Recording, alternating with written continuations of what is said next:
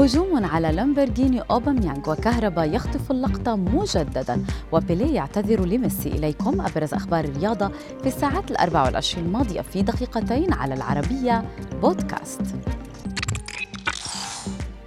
لكن قبل التعرف على تفاصيل العناوين السابقة نسافر إلى إيطاليا لنعيش أجواء احتفالات نادي لاتسيو الإيطالي المميز. المدرب ساري احتفل بفوز فريقه مع النسر الشهير أولمبيا الذي يرمز إلى شعار النادي. وذلك بعد الانتصار الهام على كتيبة المدرب مورينيو ضمن منافسات الدوري الإيطالي.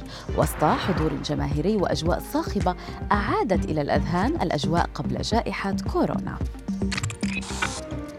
أثارت صورة اللاعب المصري محمود كهرباء السخرية على مواقع التواصل الاجتماعي بعد ظهوره بردة فعل اعتبرها البعض غريبة أثناء تلقيه لقاحا ضد فيروس كورونا. أحدهم علق حتى فدي عايز ياخد اللقطة.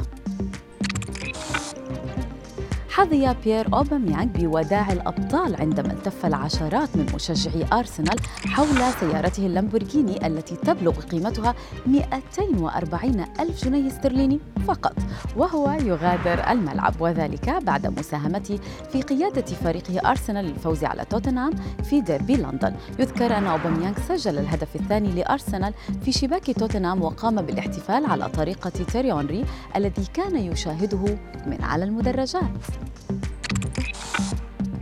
اعتذر النجم البرازيلي بيليه من الأرجنتيني ليونيل ميسي بسبب تأخره في تهنئته بكسر رقمه القياسي.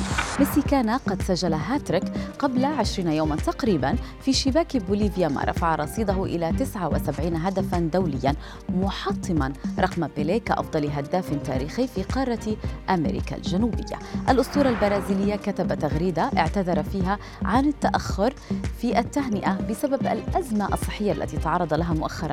وأضاف موهبتك لا تصدق.